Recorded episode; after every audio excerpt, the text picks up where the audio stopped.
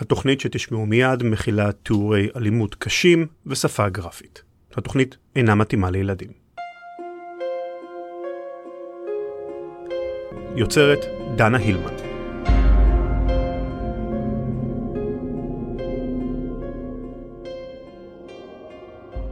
בני הזוג דבי ומרסלו בורוסקי ניסו להיכנס להיריון מזה זמן רב, ללא הצלחה. לבסוף, הגיעה לעולם בתם הבכורה ושמה בישראל, נטלי. נטלי הייתה משוש חייהם של דבי ומרסלו, בבת עיניהם. לכן בגיל שלוש וחצי, כאשר התגלתה בזילה בעיניה, הם החליטו לשכור את שירותיו של מנתח עיניים מומחה באופן פרטי, ובנוסף, שכרו את שירותי בית החולים אסותא לביצוע הניתוח. מדובר בניתוח פשוט ושגרתי לתיקון פזילה, בעיה די נפוצה בקרב ילדים קטנים. בשני ליוני 2005, בשעה עשר וחצי בבוקר, נכנסה נטלי לחדר ניתוח בבית החולים לביצוע ניתוח על ידי דוקטור חיים בן יוסף סטולוביץ.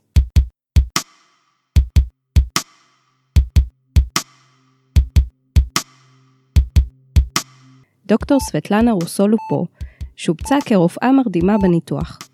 לאחר ההרדמה, דוקטור סטולוביץ החל בניתוח עינה הימנית של נטלי, ולאחר מכן, בשעה 11 ורבע, עבר לנתח את עינה השמאלית. מה שהוא לא ידע הוא שבזמן זה, ליבה של נטלי כבר אינו פועם, וחמצן לא מגיע אל מוחה.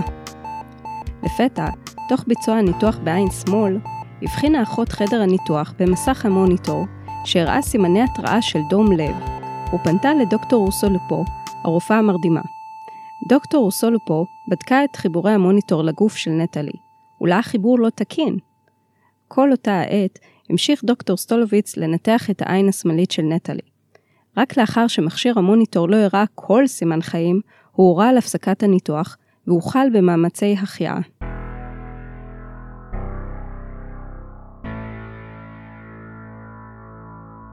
ב-11.35, בסך הכל שעה לאחר שנטלי נכנסה לבית החולים אסותא, היא כבר פונתה, מחוסרת הכרה למחלקת טיפול נמרץ בבית החולים שניידר בפתח תקווה. זאת לאחר שמאמצי ההחייאה הובילו לפעילות לב מחודשת, אך עד לשלב זה כבר נגרם נזק מוחי רב. בחמישי ביוני 2005, שלושה ימים לאחר האירוע, בשעה 2:40, לאחר שלא הותרה כל פעילות מוחית אצל נטלי זיכרונה לברכה, נקבע מותה, ואיבריה נתרמו להשתלה. ליבם של דבי ומרסלו נשבר. מה קרה שם בדיוק? האם מדובר בתאונה? או אולי ברשלנות רפואית שהביאה למותה של נטלי? ואולי, בכלל, פשע חמור בהרבה.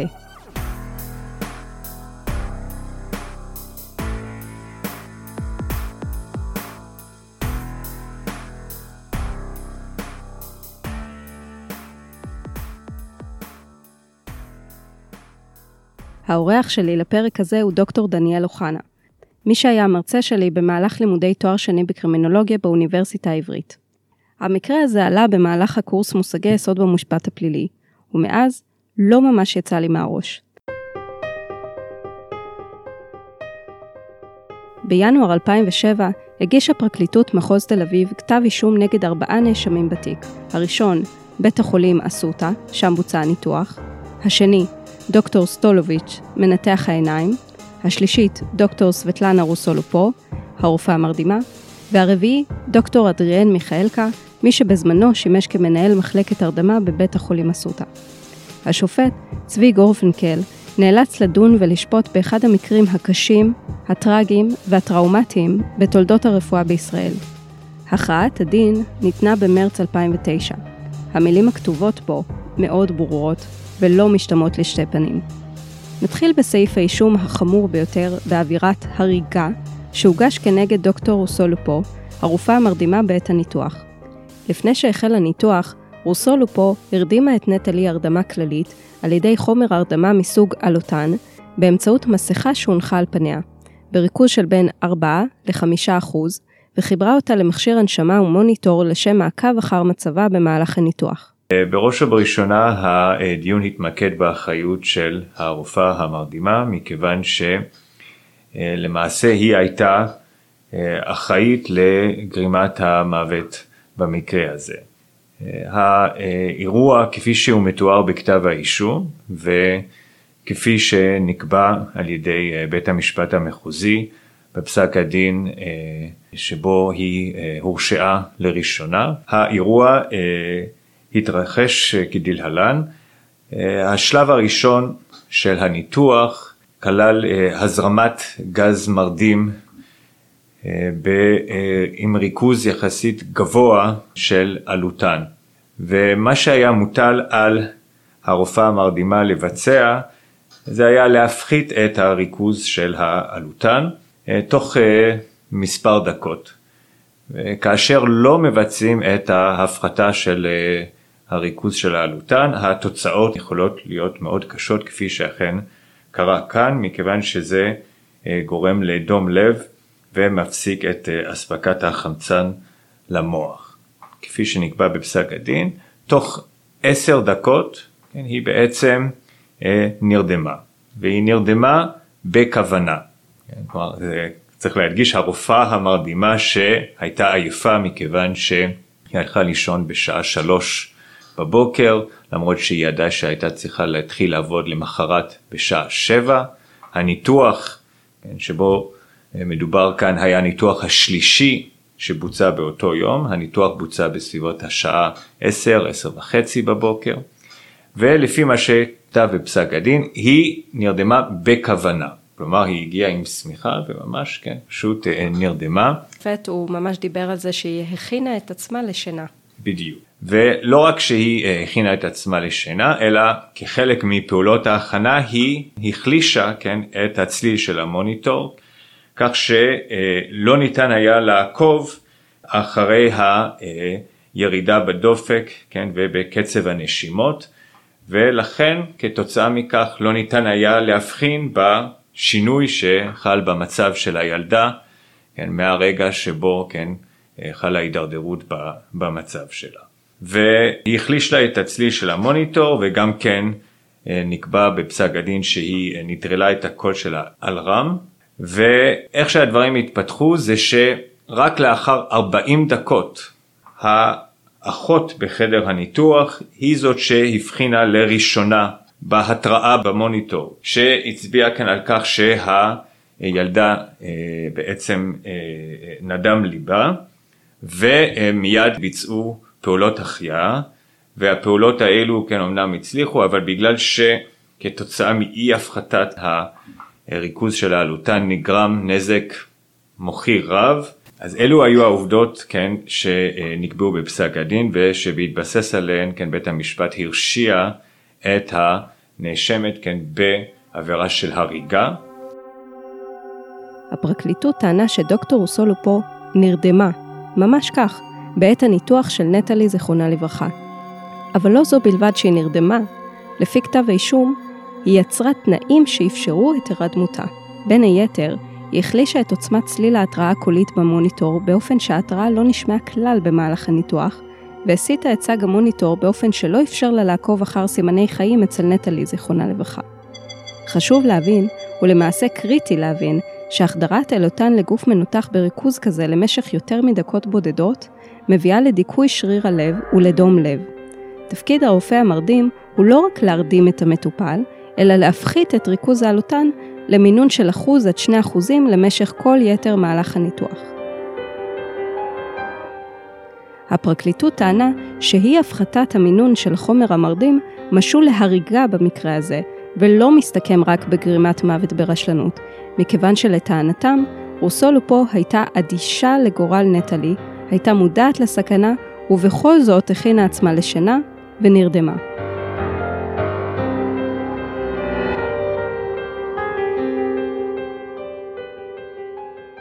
רוסו לופו טענה מנגד שנטלי סבלה ממחלת אפשטיין בר, וירוס שפוגע בכבד ועלול במקרים נדירים לפגוע בשריר הלב, ולכן, על אף שהתרשלה ללא ספק באי הפחתת ריכוז העלותן, לא ניתן לראות בה אחראית ישירה למותה של נטלי. השופט גורפינקל התייחס לטענה הזו בפסק הדין וכתב, עובדה היא שאיבריה הפנימיים של המנוחה נתרמו להשתלה ונבדקו קודם לביצוע השתלה, כך שברור שלא היו נגועים במחלה. רוסו לופו הודתה שגרמה למותה של נטלי, אבל ביקשה שההרשעה תהא בגין גרימת מוות ברשלנות ולא בהריגה. בואו נפתח את זה רגע. מה ההבדל ביניהם? השאלה הייתה האם יש מקום להרשיע את הנאשמת בעבירה של הריגה או אה, בעבירה של גרם מוות ברשלנות. ומה שצריך להדגיש זה שההבדל המרכזי בין שתי העבירות האלו נוגע ליסוד הנפשי של העבירה. כלומר, האשמה של הנאשמת בכל מה שנוגע כן לאפשרות של גרימת המוות של הילדה. וכאשר אנחנו מייחסים לנאשם עבירה של גרם מוות ברשלנות, ההנחה היא שהנאשם או הנאשמת כן, לא היה מודע כן, בעצם לאפשרות שהתוצאה תתרחש. כלומר מדובר באיזושהי פעולה שבוצעה כן בהיסח הדעת, אולי כתוצאה מלחץ, ולכן לא הייתה מודעות לסכנה שנוצרה, ולכן אנחנו מתייחסים כן למעשה כאילו מדובר במעשה יחסית לא חמור. מדובר במקרים שדומים למעשה לתאונות דרכים שלפעמים מסתיימות בתוצאות אה, קטלניות. לעומת זאת, עבירה של הריגה מניחה שהנאשם היה מודע לסכנה שהמעשה או המחדל שלו עלול להביא לגרימת המוות, ולכן ההתייחסות מבחינה חברתית, מבחינה משפטית, היא הרבה יותר מחמירה, מכיוון שלמעשה מדובר במישהו שהיה מוכן ליצור סכנה מתוך מודעות מלאה שמישהו למעשה עלול למות כתוצאה מהמעשה שהוא ביצע. הטענה של הסנגור במקרה הזה הייתה שהעבירה שבה מן הראוי היה להרשיע את הנאשמת הייתה עבירה של גרם מוות ברשלנות. כי הטענה הייתה שכאשר הנאשמת לא הפחיתה את ריכוז העלותן, שזה למעשה היה המחדל המרכזי כן, שהביא למותה של הילדה, זה הייתה תוצאה כן של שכחה למעשה, זה לא היה מקוון כמובן, אלא פשוט שהיא שכחה לעשות את זה, ו...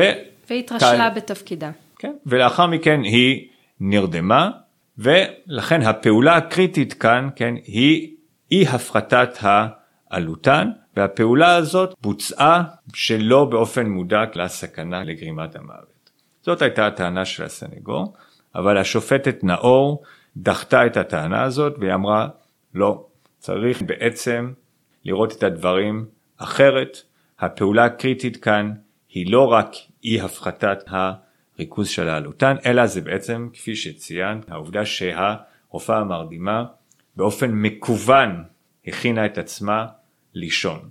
לא מדובר במקרה שבו באופן פתאומי היא נרדמה באופן בלתי צפוי בגלל שהיא הייתה מאוד מאוד עייפה, אלא באמת כאן היא הכינה את עצמה ולמעשה בכך שהיא הלכה לישון היא יצרה סכנה שהיא לא תוכל להתערב אם תתרחש איזושהי התפתחות בלתי צפויה במהלך הניתוח שתצריך את ההתערבות. הפסיקה שהשופטת נאור אה, אה, נשענה עליה היא פסיקה שמתייחסת למקרה שבו מישהו נוהג והוא מרגיש עייף, כן, ולמרות שהוא יודע שהוא עייף ושהוא עלול להירדם ובעצם לאבד שליטה ולהביא לתאונת דרכים ואולי להרוג אדם אחר. אם הוא ממשיך לנסוע, כאשר הוא גורם למוות של אדם אחר, הוא, אנחנו לוקחים את האשמה שניתן לייחס לנאשם בשלב הראשון שבו הוא למעשה נרדם או מנטרל כאן את האפשרות שלו לשלוט במה שמתרחש ואנחנו מעתיקים את זה לשלב השני שבו התוצאה אה, מתרחשת, התוצאה הקטלנית. גורפנקל בפסק הדין לוקח אותנו, הקוראים, עקב בצד אגודל לגבי הכרעתו בנושא. לאחר שנקבע כבר כי דוקטור סולופו הביאה למותה של נטלי מבחינה עובדתית, הוא בוחן את העובדות הידועות במטרה לבחון מה היה הקונטקסט פה. האם דוקטור רוסול פה התרשלה, או שמה יש לה אחריות מוגברת בגלל היסוד הנפשי שלה בעת המעשה. בעוד שבגרימת מוות ברשלנות נדרש יסוד של רשלנות, בהריגה נדרש יסוד של מחשבה פלילית. ומהי מחשבה פלילית? מודעות לטיב המעשה, לקיום הנסיבות ולאפשרות גרימת התוצאות. עכשיו, קצת רפואה, או יותר נכון, הצד הטכני של חדר ניתוח. רובנו מכירים מסדרות טלוויזיה וסרטים את הצליל הנורא של מוות. הביפ הארוך הזה שמסמן למעשה כי אין יותר סימני חיים במטופל. צלילי ביפ קצובים לעומת זאת, מסמנים שהמטופל חי. לצלילים האלה החי מכשיר מוניטור, מכשיר רפואי שעוקב אחר נתונים פיזיולוגיים של חולה. חשבתם פעם מה היה קורה אם הצליל הזה כלל לא היה נשמע? אם היה שקט? דממה? שום ביפ? המוניטור אמור להתריע בשני אופנים, על ידי השמעת אזעקה קולית, כלומר על רם, או על ידי התראה ויזואלית שמשמעותה הבהוב אורות בצבע שונה מזה הדולק כאשר הניתוח מתקדם כסדרו. בפסק הדין, גורפנקל ציין כי מכשיר המוניטור שהיה מעורב בניתוח היה תקין. מי שאחראי על הפעלת המוניטור והשגחה עליו הוא הרופא המרדים, או הרופאה המרדימה במקרה זה. הוא המשיך וציין את העובדה שלא נשמע קול על רם כל משך הניתוח. המסקנה שהשופט הגיע אליה היא, דוקטור אוסולופו השתיקה את האלרם.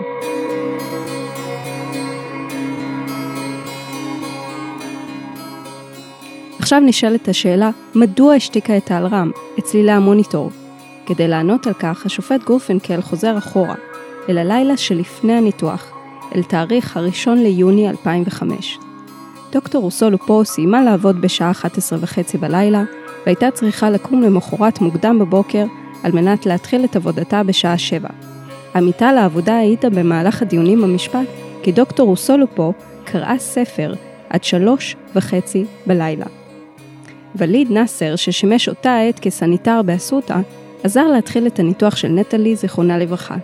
הוא העיד כי כשעזב את החדר, הוא ראה את רוסו לופו יושבת על כיסא, שמה סדין על כתפיה, רגליה היו על דרגש, וספר מונח על בית החזה. תיאור זה בעיני גורפנקל אינו מתיישב עם מצב של אדם הנרדם באופן פתאומי, אלא מתאים לתיאור של אדם המכין עצמו לשינה. למעשה, במהלך המשפט היו עדויות רבות שהעידו על דפוס פעולה של רוסו לופו. הרופאה המרדימה נהגה להירדם בעצמה במהלך ניתוחים בהם נטלה חלק כמרדימה. פרופסור יצחק וינוגרד, שנהג לבצע ניתוחים גם הוא בבית החולים אסותא, העיד כי רק עשרה ימים לפני הניתוח של נטלי, הוא היה צריך לבעוט בכיסא כדי להעיר אותה. האחות ששימשה עוזרת למנתח, דוקטור סטולוביץ, העידה שבשעה 11 סיים דוקטור סטולוביץ לנתח את העין הראשונה, עבר לעין השנייה, וכאשר סיים לטפל בשריר הראשון של עין זו, הרגישה לפתע שקט מוזר בחדר. היא הרימה את מבטה לכיוון המוניטור, ואז ראתה את כולו מהבהב באדום, ומיד הפנתה את תשומת ליבו של המנתח וקראה למרדימה. כלומר, במקום שהמרדימה תהיה הראשונה להבחין באותות ההתראה הוויזואליים במוניטור, אותם ראתה האחות, היא ישבה באותו הזמן על הכיסא, מבלי להבחין כלל במוניטור ונראתה רדומה. כל הנסיבות הללו מעידות לפי הכרעת הדין שדוקטור רוסולופו נרדמה, לאחר שהכינה עצמה לשינה. היא השתיקה את קולות האלרם באופן כזה שלא יהוו הפרעה, והחמיצה בכך את ההזדמנות לפחות לשמוע את קולות ההתראה אם לא לראות אותם במסך המוניטור.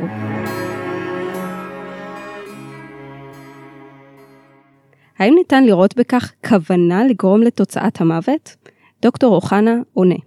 צריך לי, להתייחס בעצם להבחנה בין עבירת ההריגה ועבירת הרצח. כלומר, בכל מה שנוגע לעבירות ההמתה, לפי הדין הקיים כעת, יש לנו, כן, שלוש עבירות מרכזיות של גרימת מוות. יש לנו עבירה של רצח, יש לנו עבירה של הריגה ויש לנו עבירה של גרם מוות ברשלנות.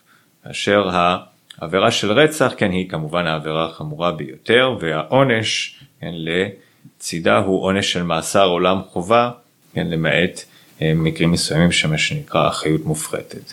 והמקרה, אפשר להגיד, השכיח ביותר של רצח זה רצח בכוונה תחילה.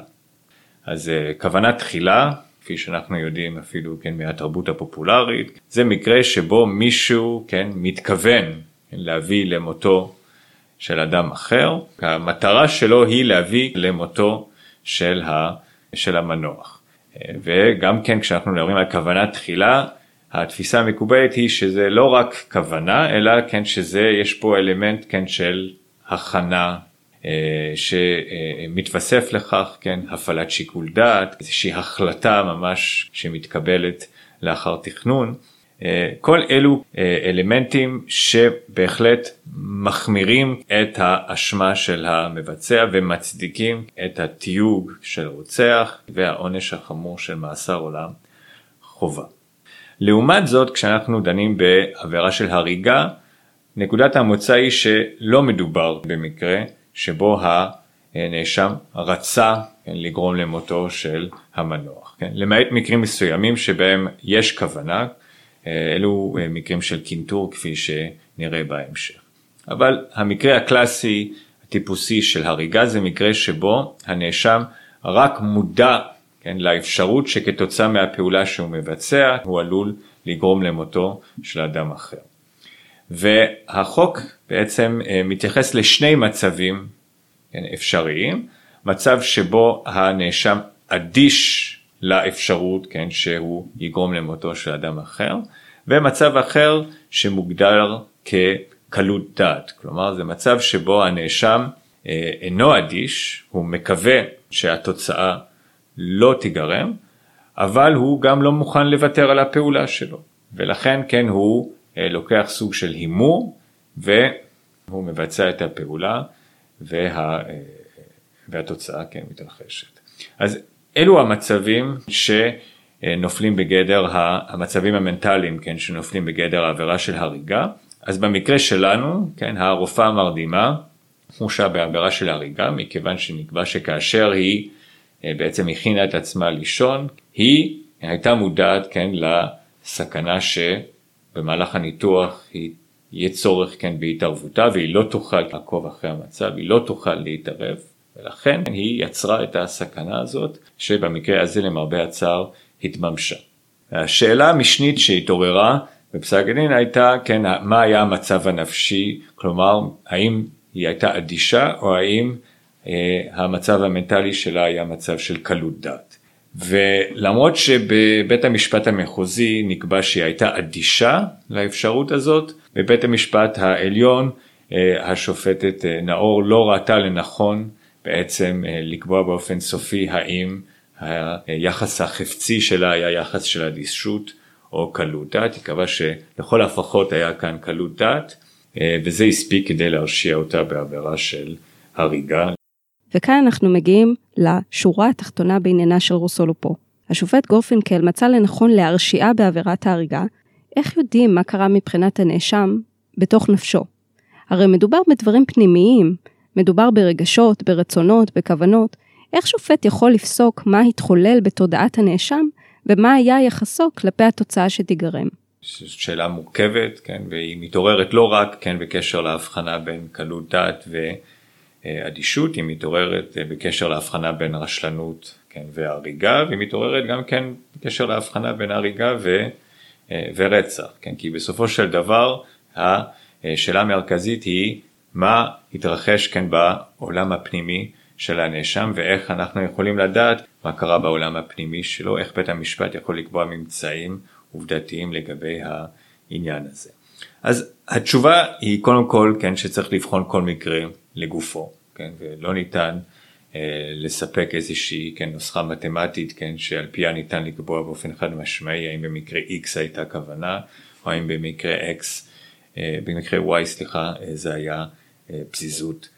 אבל יחד עם זאת, אה, בית המשפט מתבסס על הראיות.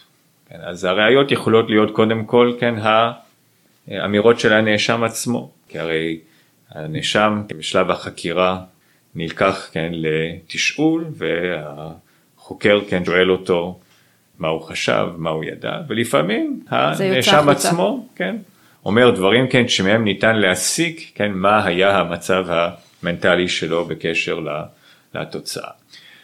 אה, במקרים אחרים ניתן ללמוד כן על היחס המנטלי של הנאשם, כן, מהנסיבות של האירוע. אז כמו למשל, אם יש מקרה שבו ממש לפני שהנאשם מבצע את הפעולה, מסבים את תשומת ליבו לכך שמי שעומד לתקוף, כן, סובל כן מאיזושהי מחלת, מחלת לב למשל, ש... כתוצאה ממנה הוא באמת פגיע וכתוצאה מאיזושהי אלימות פיזית הוא יכול למצוא את מותו. אז זה בהחלט יכול להיות אינדיקציה לכך שהנאשם היה מודע ושהוא היה אדיש, כן, לאפשרות הזאת, כי הוא המשיך וביצע את הפעולה הזאת בכל זאת. אלו השיקולים, כן, שמנחים את בית המשפט כאשר הוא אה, בוחן האם מדובר במקרה של אדישות, האם מדובר במקרה של קרבות דעת, או האם מדובר במקרה שבו באמת הנאשם אה, התכוון לגרום לתוצאה. לאחר שלב הכרעת הדין בפסק הדין, מגיע תור גזר הדין. כלומר, מה העונש שיוטל על הנאשם או הנאשמת במקרה בו הורשעו. דוקטור רוסולו פה הורשעה כאמור בהריגה. עונש המקסימום הוא 20 שנות מאסר. אולי אתם זוכרים שהיא ביקשה להרשיעה בעבירת גרימת מוות ברשלנות. העונש על עבירה זו, עם תוצאה זהה לגמרי, קל יחסית, עד שלוש שנות מאסר בלבד. צריך לדבר על הפערים בין עבירות ההמתה השונות. האם זה מתקבע על הדעת שקיימים פערים גדולים בעונשים בגין עבירות המתה שונות? ושאין מדרג של חומרת עבירות דווקא בעבירות שעניינן הוא הקריטי ביותר? אז אה, אני חושב שבעצם התשובה היא, היא, אה, היא, היא שלילית ולכן אה, בשנים האחרונות, ממש עכשיו, כן, עובדים על רפורמה מקיפה של עבירות ההמתה על מנת לשנות את המצב הזה ועל מנת בעצם להוסיף כן, עבירות המתה נוספות שבעצם יאפשרו לתת ביטוי הולם כן, למגוון היחסית רחב של אה, מקרים, של מעשים כן, שיכולים להוביל לגרימת מוות. כי באמת כפי שציינת כן המצב אה, שקיים כעת בדין המצוי הוא מצב שאינו משביע רצון. כי מצד אחד יש לנו כן את עבירת הרצח שהיא העבירה אולי החמורה ביותר כן בספר החוקים עם עונש מנדטורי של מאסר עולם, עונש של מאסר עולם חובה, אבל בהחלט כן התפיסה המקובלת היא כן שזה חורג כן מ-20 שנות מאסר והאפשרות כן, לקצוב את עונשו ושהנאשם כן יוכל להשתחרר שחרור מוקדם היא הרבה יותר מצומצמת כן מאשר בעבירות אחרות. ומה שחשוב כאן זה שאין לבית המשפט שיקול דעת. כלומר, ברגע שבית המשפט מרשיע את הנאשם בעבירה של רצח, העונש הוא יכול להיות רק מאסר עולם. בניגוד לעבירות אחרות, שאז יש יותר שיקול דעת, אפשר אה, להתחשב בנסיבות של ה... האישיות של, ה, של העבריין ולהחליט אחרת. כל העבירות האחרות, כן, למעט אה, מקרים מאוד חריגים ואפילו אה, במקרים האלו, תמיד יש איזשהו, כן, פתח מילוט, כן, שמאפשר לבית המשפט אה, להתאים את העונש, כן, לנסיבות הספציפיות של המקרה. כשמדובר ברצח, ברגע שבית המשפט מרשיע ברצח, התוצאה העונשית היא אוטומטית מאסר עולם כעונש חובה. ולכן מה שעלה מהפרקטיקה כן, בבתי המשפט בשנים, אה, בעשורים האחרונים, זה שבעצם בית המשפט היה מוצא את עצמו במקרים מסוימים, כן, במלכודת מסוימת. מצד אחד, מקרה של אלימות, כן, שמסתיים במוות של הקורבן, כן, בית המשפט מבקש כן לגנות את המעשה הזה, ועל מנת כן להביע את הגינוי הוא מבקש להרשיע בעבירה כן שבאמת היא העבירה החמורה ביותר שהיא עבירת הרצח. אבל כאשר משתמשים בעבירת הרצח התוצאה העונשית היא אוטומטית אה, עונש של מאסר עולם כעונש חובה. כשהחלופה השנייה היא להרשיע בעבירה של הריגה. והבעיה היא שעבירת ההריגה מכיוון שהיא מכסה מגוון מאוד רחב כן של מעשים מצד אחד כן מעשים שהם על גבול כן הקינטור המותר וכן תאונות דרכים, משחקים מסוכנים בנשק, כן מקרה כמו זה כן של הרופאה המרדימה. ולכן החשש של בית המשפט, כן, כשמדובר במקרים של אלימות, כן, שמסתיימים במוות, זה שההרשעה בעבירה של ההריגה תתפרש על ידי הציבור הרחב כתגובה מקלה שלא נותנת ביטוי הולם לחומרה של המעשים. אפשר להביא כדוגמה למשל המקרה של ההריגה המשפטית של ארי קרפ. מקרה כן מאוד קשה כן שהיה בחוף תל ברוך כן על ידי חבורה של נערים מעשים של אלימות מאוד מאוד אה, קשים וכתוצאה מכך כן המנוח נכנס למים וטבע למוות. ההרשעה הייתה בעבירה של הריגה מכיוון שבית המשפט קבע שלא ניתן היה לקבוע שהנאשמים התכוונו להביא למותו. התוצאה צריכה להיות מוות, כן, מבחינת הכוונה של הנאשם. מבחינה ציבורית, כן, המקרה הזה בהחלט כן נתן מקום למחלוקת קשה. האם באמת הדין הוא משביע רצון? כן, האם במקרה כזה לא היה מקום להרשיע דווקא ברצח למרות שלא הייתה כוונה לגרום למוות בגלל האכזריות שאפיינה כן את, ה, את המקרה. אז אה, אה, זאת הדילמה כן שהייתה קיימת וקיימת עדיין כעת כל עוד הרפורמה הזאת לא נכנסת לתוקף. כפי שדוקטור אוחנה הסביר, דבר זה עומד להשתנות.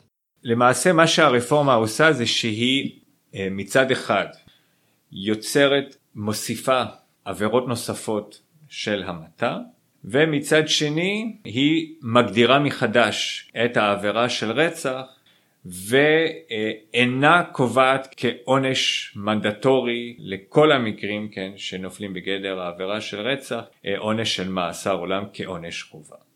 ולכן המטרה היא שמצד אחד אנחנו נוכל לתת ביטוי הולם לחומרה של מעשה שגורם למותו של אדם אחר, אבל מבלי שבהכרח זה מחייב את בית המשפט להטיל עונש של מאסר עולם כעונש חובה. ניתן יהיה לקבוע עונש אחר, לא כל כך חמור, במקרים המתאימים. אז מהי בדיוק החלוקה שמתוכננת כן, בהצעת החוק כפי שהיא הוגשה על ידי הממשלה? וצריך לציין שעדיין דנים בהצעת החוק, מדובר ברפורמה מקיפה כן, בתגובה למעשה לקריאה של הנשיא ברק באחד מפסקי הדין האחרונים שהוא כתב, פסק דין ביטון, שהוא למעשה יצא בקריאה למדינה, לממשלה, לשר המשפטים, לבחון מחדש כן את עבירות ההמתה מכיוון שהדין המצוי אינו משביע רצון. כן, בתגובה לפסק הדין הזה השר למשפטים דאז, כן, פרופסור דניאל פרידמן, אה, מינה את הפרופסור אה, מרדכי קרמניצר לעמוד בראש צוות מיוחד שבחן מחדש כן את עבירות ההמתה, צוות שכלל נציגים של כל השחקנים כן השונים כן בתחום של מערכת אכיפת החוק, בין אם זה התביעה, בין אם זה הסנגוריה הציבורית, זה בתי המשפט, על מנת להציע למעשה אה, מתווה אחר של עבירות ההמתה. אז מהם החידושים כן העיקריים שאנחנו מוצאים בהצעת החוק? אז לפי הצעת החוק אה, תהיה לנו עבירת רצח שהיא עבירת בסיס, כלומר עבירה של גרימת מוות עם יסוד נפשי של כוונה או של אדישות, כלומר בניגוד למצב כעת בהחלט כן ייתכן מצב שמישהו יורשע ברצח גם כאשר הוא לא התכוון להביא למותו של המנוח. זה, זה נכון יהיה להגיד שזה קצת מקביל ל-first degree murder ב... בארצות הברית? כלומר, ש, כמו שיש second degree, third degree? נכון, כן, כלומר יש, הכוונה כאן היא אה, ליצור איזשהו מדרג בתוך העבירה של רצח. כך שתהיה לנו עבירת בסיס, כשהעונש לצידה של העבירה הזאת יהיה עונש של מאסר עולם, אבל לא כעונש חובה, אלא כעונש מקסימום. יהיה לנו עבירה חמורה יותר של עבירת אה, אה, רצח בנסיבות מחמירות.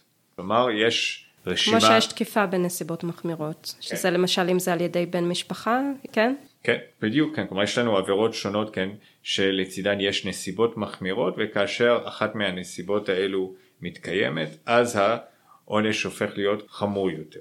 אז במקרה שלנו, אם אה, מדובר ברצח בנסיבות מחמירות, כן, והצעת החוק כן כוללת רשימה אה, יחסית ארוכה של נסיבות שנחשבות כנסיבות מחמירות, אז העונש כן יהיה עונש של מאסר עולם כעונש חובה, אם כי צריך לציין שגם כאן אה, הידיים כן של בית המשפט לא יהיו לגמרי כבולות ועדיין במקרים חריגים בית המשפט יוכל להרשיע בעבירת הרצח הבסיס, כלומר שאינו כפוף כן לעונש של מאסר עולם חובה, אם הוא מצא מנימוקים מיוחדים שיירשמו, כי מתקיימות נסיבות מיוחדות שבשלהן המעשה אינו מבטא דרגת אשמה חמורה במיוחד. אז המטרה כן זה מצד אחד אה, להגדיר כן את עבירת הרצח באופן אחר כך שניתן יהיה לתייג את העבריין כרוצח במקרים החמורים במיוחד, אבל מצד שני כן לאפשר לבית המשפט את הגמישות הדרושה כדי לאפשר לו להטיל עונש שהולם את הנסיבות.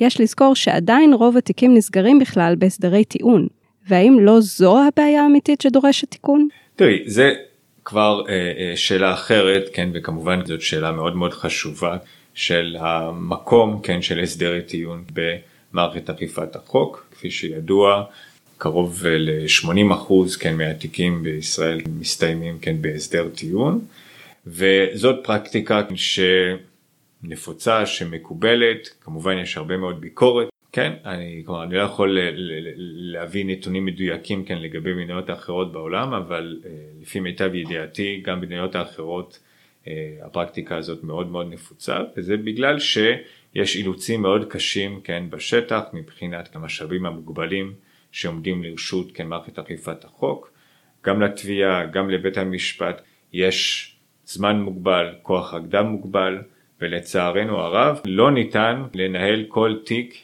אה, מההתחלה עד הסוף ולכן אה, הכירו כן בפרקטיקה הזאת כן של הסדרי טיעון כשצריך לציין עדיין האחריות כן היא על בית המשפט בסופו של דבר לקבוע את העונש.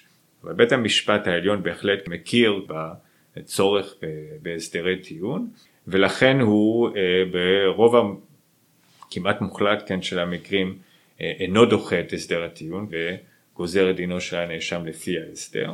וכפי שאת מציינת המצב הזה למעשה אה, משאיר הרבה מאוד כוח כן בידי התביעה כי כפי שציינת אה, התביעה היא זאת שמנסחת את כתב האישום והיא יכולה לתקן את כתב האישום כך שהעבירה שתיוחס לנאשם תהיה עבירה שונה מהעבירה שבה הוא שם כן בכתב האישום המקורי. האם יש כאן חשש כן לעיוות המציאות. אה, אני חושב כן וזאת נקודת המוצא של בית המשפט העליון שצריך כן לסמוך על היושר כן והמקצועיות של גורמי התביעה אבל מצד שני כן בהחלט כן ניתן להצביע על מקרים מסוימים אני מקווה מאוד חריגים שבהם עולה הרושם שהתביעה ניסחה את כתב האישום באופן כזה שאולי אינו בהכרח אה, משקף את, את, את חומר החקירה שנאסף על ידי המשטרה. השופט גורפנקל פרס את משנתו באשר לקביעת העונש וביחס בין הכרעת הדין לבין גזר הדין. ציטוט: פסק דין משול לשטר ששוברו בצידו. הכרעת הדין הינה השטר, גזר הדין הוא השובר. לא ניתן לומר מילים קשות בהכרעת הדין, ולא לכבד את השובר של השטר, ולגזור עונש שאינו עומד ביחס ישר למילים הקשות. סוף ציטוט. גורפנקל לקח בחשבון מספר גורמים נוספים. כאן ציין גורפנקל את דוקטור יקירביץ, שהורשע בשני מעשים של הריגה, מספר מקרים של פזיזות ורשלנות רפואית, ואף עבירות שוחד וסחיטה. על דוקטור יקירביץ נגזרו שש שנות מאסר בפועל בסופו של דבר. אולי נקדיש פרק נפרד לדיון במקרים האלו, שכן מדובר ברופא הראשון שבפסיקה הורשע בעבירת הריגה. אבל בהקשר הזה השופט ציין הבדל מהותי לעומת המקרים אצל דוקטור יקירביץ, והוא בגיל המטופלים. מטופליו של יקירביץ היו מבוגרים, והוא לא צפה כי יש להם סיכוי להמשיך לחיות, ובטח לא באיכות חיים טובה. וזאת בניגוד גמור בהשוואה לגילה הרך של נטלי זיכרונה לברכה. ציטוט: כאן מדובר בילדה קטנה, שנכנסה לניתוח פשוט ושגרתי שלא היה אמור להיות כל סיכון בצידו, ובמקום לצאת ילדה שמחה ומלאת חיים כפי שנכנסה, יצאה עם דום לב ונפטרה. סוף ציטוט. בסופו של דבר, גורפנקל מציין כי ברור שדוקטור רוסולופו לא רצתה במותה של נטלי זיכרונה לברכה, אבל בפועל, כל מעשיה הובילו למוות המיותר. ההרשעה בהריגה מחייבת הטלת עונש שלא יפחת ממחצית העונש הקבוע בחוק לעבירת ההריגה. זאת אומרת עשר שנות מאסר.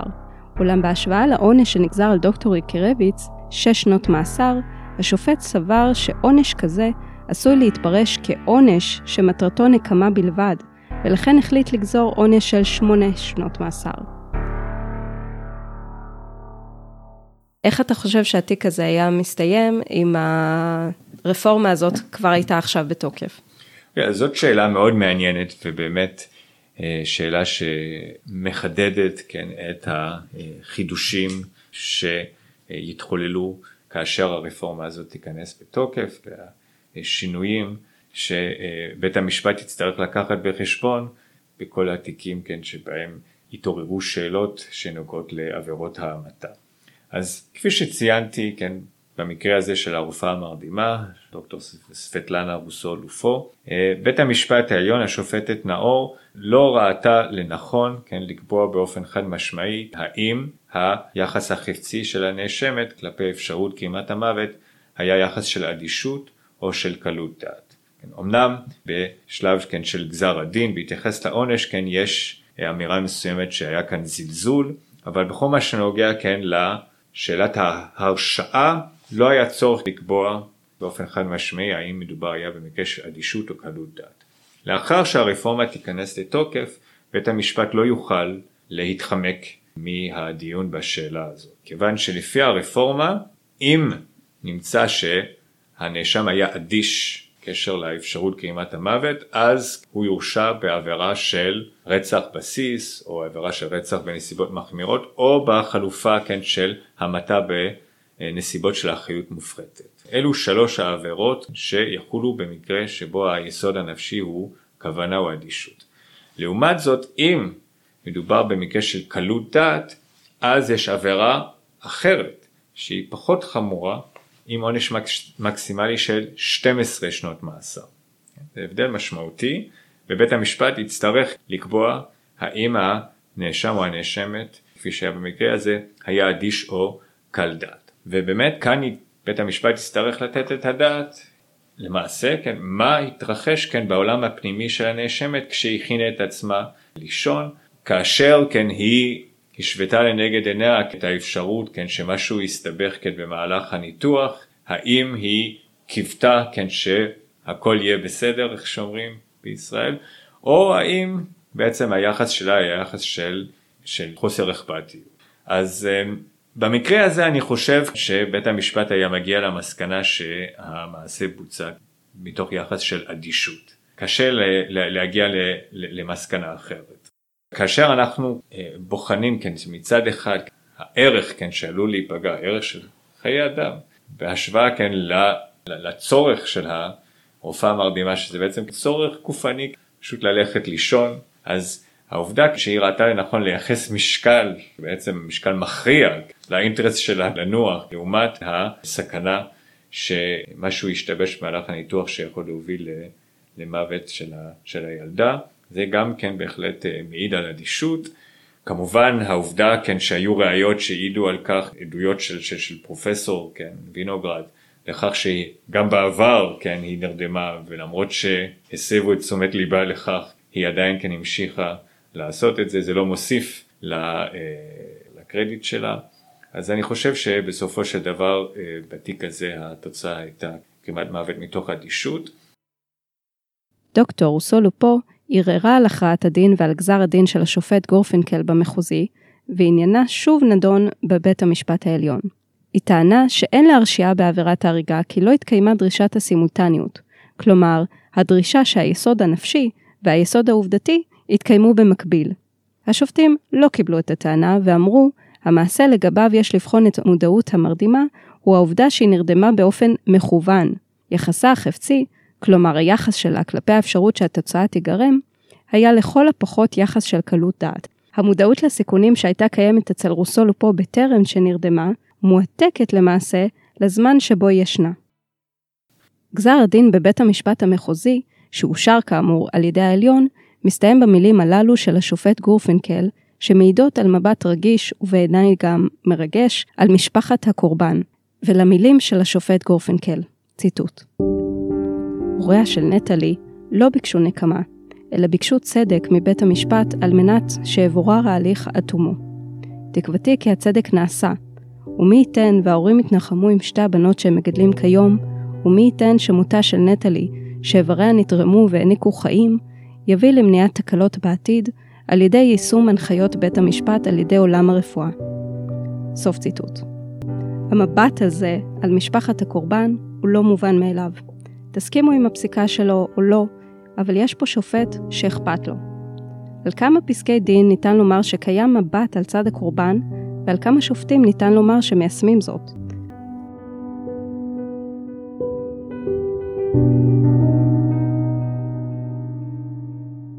ועכשיו, אחרי שסיימתי לנגב את הדמעות, זה הזמן שאני אתוודה בפניכם.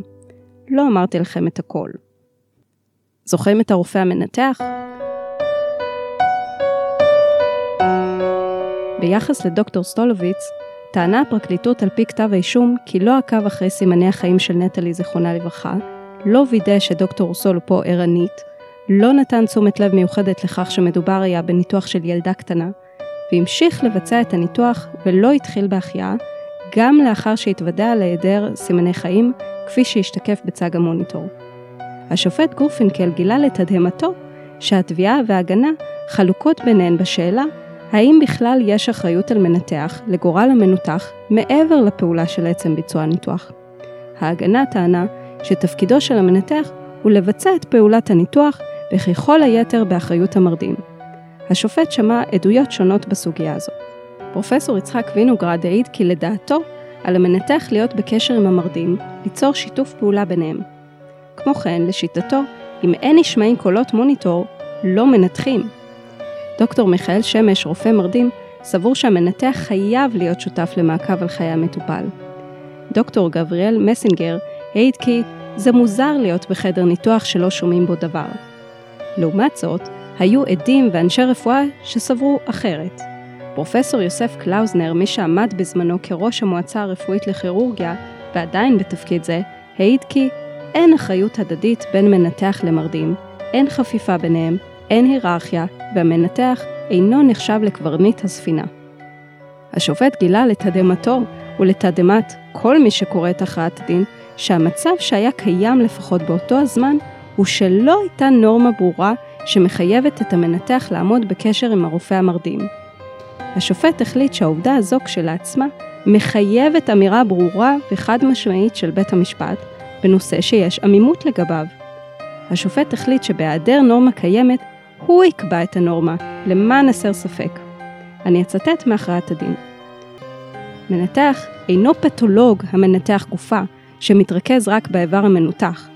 אין טעם בביצוע ניתוח אם מסתבר שהמנותח נמצא במצוקה ומצוי בסכנת חיים. מהות הניתוח היא טיפול באדם כדי להביא להחלמתו, ולא ביצוע פעולה כירורגית גרידא בבחינת הניתוח הצליח, אך החולה נפטר. סוף ציטוט.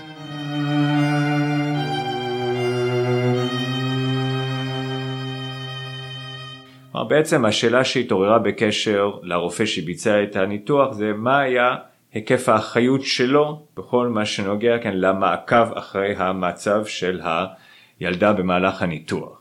ברור שהתפקיד המרכזי הוא של הרופאה המרדימה. השאלה הייתה כן האם במהלך הניתוח גם הוא צריך לעקוב אחרי המצב של הילדה ומה שהשופט אה, גרפינקל קבע בפסק הדין שלו זה שהיה עליו לעקוב אחרי המצב שלה במובן הזה שהוא היה צריך כן לעקוב אחרי סימני החיים של הילדה. אמנם הוא לא היה צריך להרים את הראש כן במהלך הניתוח. חייבים להקפיד על דיוק. בדיוק. אבל השופט קבע שהוא היה צריך כן בכל זאת כן להאזין למוניטור כדי לוודא שיש ציל גרפינקל קבע שהוא אה, בעצם לא קיים את החובה שלו בעניין הזה. כלומר לא ניתן כן לקבוע כן איזושהי חלוקת תפקידים מאוד ברורה כך שלמעשה הרופא שמבצע את הניתוח הוא פוטר את עצמו מאחריות ולמעשה מטיל את כל האחריות על הרופאה המרדימה.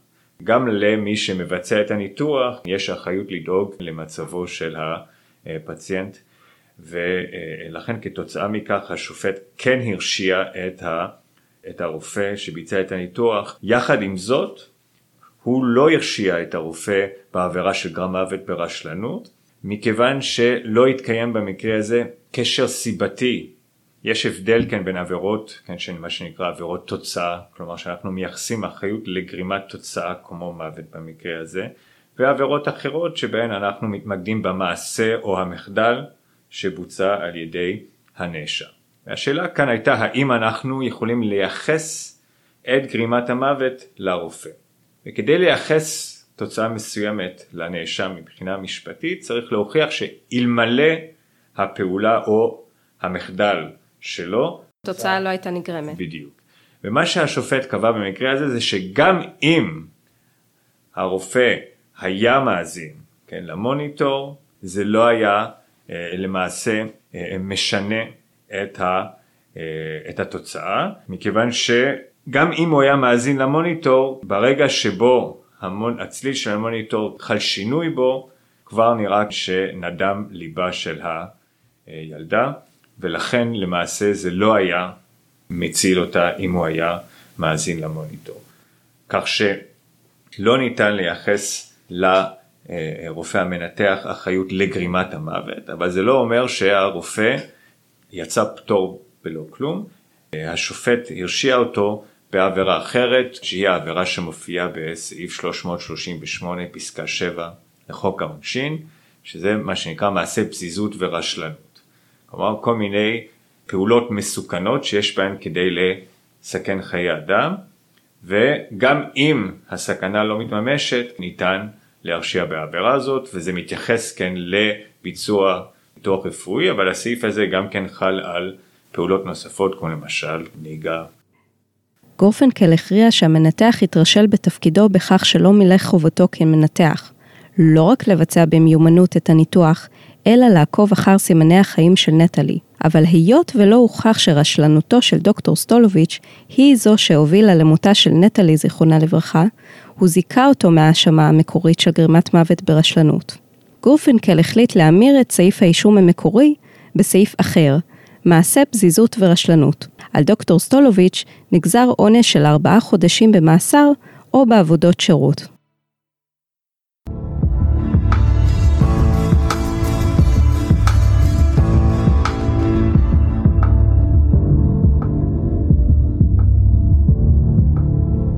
תודה רבה לדוקטור דניאל אוחנה שהתארח בתוכנית. אנחנו נשתמע בפרק הבא, בתיק הפשע הבא.